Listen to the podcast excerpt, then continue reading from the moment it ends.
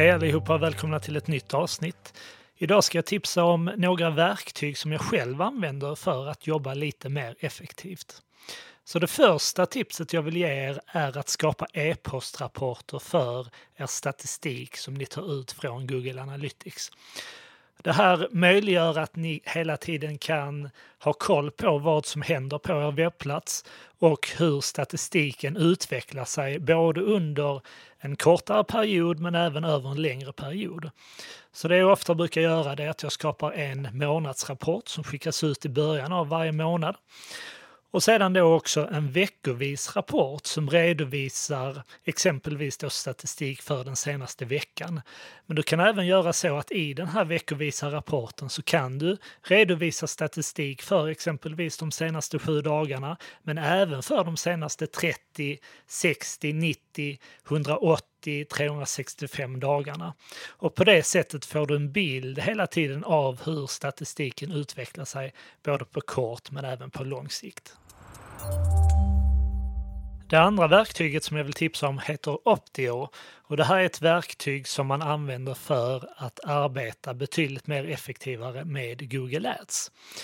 Så att det som Optio gör det är att verktyget hela tiden skannar igenom ditt konto och kommer med konkreta förslag för hur du kan förbättra ditt konto. Och det här sparar otroligt mycket tid för manuell analys som man annars tvingas göra i Google Ads. I Optio kan man även få fram eh, något som kallas Toolkit där man får, ehm, eh, man kan säga ett, ett betyg på hur välmående ditt konto är. Och ehm, på respektive område då kan du läsa på kring vilka förbättringar du kan göra för att höja det här betyget.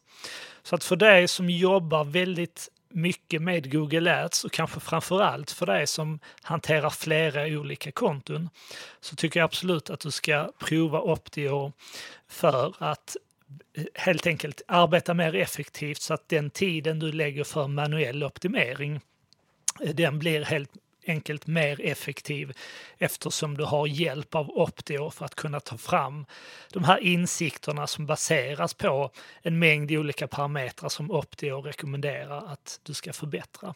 Så att kolla in Optio, jag kommer lägga med länken i anslutning till det här avsnittet så du enkelt kan skapa ett testkonto där. Det tredje verktyget som jag vill tipsa om heter Maccy, M-A-C-C-Y och det här är ett plugin till Mac. Jag vet tyvärr inte om det finns tillgängligt för PC, men det, det, borde finnas liknande lösningar för PC. Och det här är ett verktyg som ligger uppe i verktygsfältet eh, i min Mac, där allt som jag kopierar ut hamnar. Så att så fort jag kopierar en text för att klistra in någon annanstans så sparas den här texten i Mackie.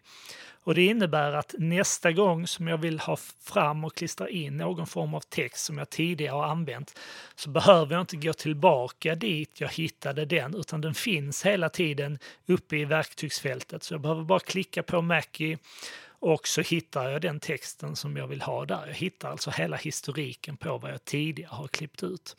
Det här sparar oerhört mycket tid. Jag använder det här för exempelvis eh, det kan vara när jag behöver skriva in vårt organisationsnummer någonstans eller jag behöver ha fram en adress och klistra in någonstans. Eller om jag ska skicka ett meddelande Eh, där jag vill använda mig av text som jag har använt tidigare exempelvis. Så att kolla in Mackie även här, jag lägger med länken i anslutning till avsnittet så kan du kolla in det här eh, pluginet. Använder du PC så är jag övertygad om att det finns liknande alternativ och att du får upp många alternativ om du googlar på den här typen av lösning. Innan vi avslutar så vill jag tipsa om två verktyg till som kan hjälpa dig att börja arbeta mer effektivt.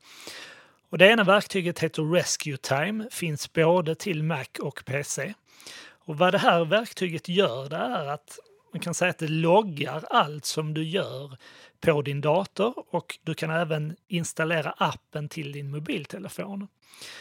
Sedan kan du få ut rapporter på var du lägger din tid. Så du kommer att se vilka webbplatser som du ofta besöker, hur lång tid du spenderar på de webbplatserna.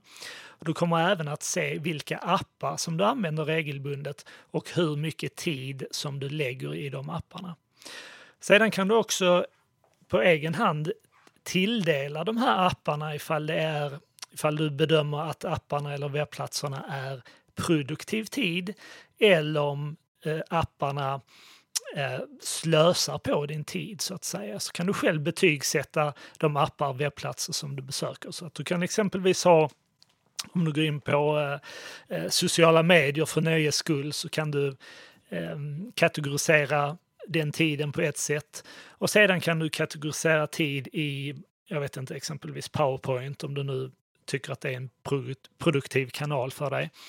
Så kan du kategorisera det på ett sätt och sedan får du fram då rapporter på hur mycket av din totala tid som är produktiv och som inte är det. Så att eh, det här är ett verktyg som jag har använt eh, under väldigt lång tid och eh, man kan säga att ett annat verktyg som hänger lite ihop med detta är ett e-postverktyg som heter Email Analytics. Och E-mail Analytics um, skannar igenom din e-post och ger dig sedan veckovisa eller månadsvisa rapporter på hur mycket tid du lägger på e-post, vilka du ofta skickar e-postmeddelanden till och vilka som du ofta får e-postmeddelanden av. Du kan även se på vilka tider på dygnet och vilka ve veckodagar som Eh, du, du lägger mer tid på e-post. Så att eh, så är det såklart, vi lägger väldigt mycket tid på e-post. Eh, jag försöker själv minimera tiden jag lägger på e-post, men när jag tittar i Rescue Time så har jag ändå väldigt mycket tid i Gmail. Medan sedan jag, skap, sedan jag registrerade mig för E-mail Analytics för ungefär två år sedan så har tiden som jag lägger på e-post gått ner markant. För jag har blivit mer medveten om var min tid går och har på det sättet kunnat förändra mitt arbetssätt kring e-post för att kunna lägga den tiden på mer effektiva arbetsuppgifter. Så kolla in Rescue Time och Email Analytics så kommer de två verktygen att hjälpa dig att jobba mer effektivt överlag. Så att det var allt för det här avsnittet. Det här är säkert ett ämne som jag kommer att återkomma till. Det är ett ämne jag gillar. Jag gillar de här verktygen som kan hjälpa mig att jobba mer effektivt så att jag kan lägga min tid på mer relevanta saker. Så att ehm, är du mer intresserad av den här typen av tips på verktyg så lyssna gärna in avsnitt 88. Där pratar jag lite mer om kreativa verktyg som kan hjälpa dig på olika sätt. Och eh, för inte så länge sedan så tipsade jag även om i avsnitt 98 om lite verktyg som kan hjälpa dig att jobba mer effektivt med sökmotoroptimering. Och även i avsnitt 84 så tipsade jag om verktyg som hjälper dig att skapa en snabbare webbplats. Så att du märker att det här är ett återkommande tema, tips på verktyg. Det kommer jag säkerligen att eh, återkomma till. Och eh, tills dess så vill jag önska dig lycka till och så hörs vi om en vecka igen. Ha det bra!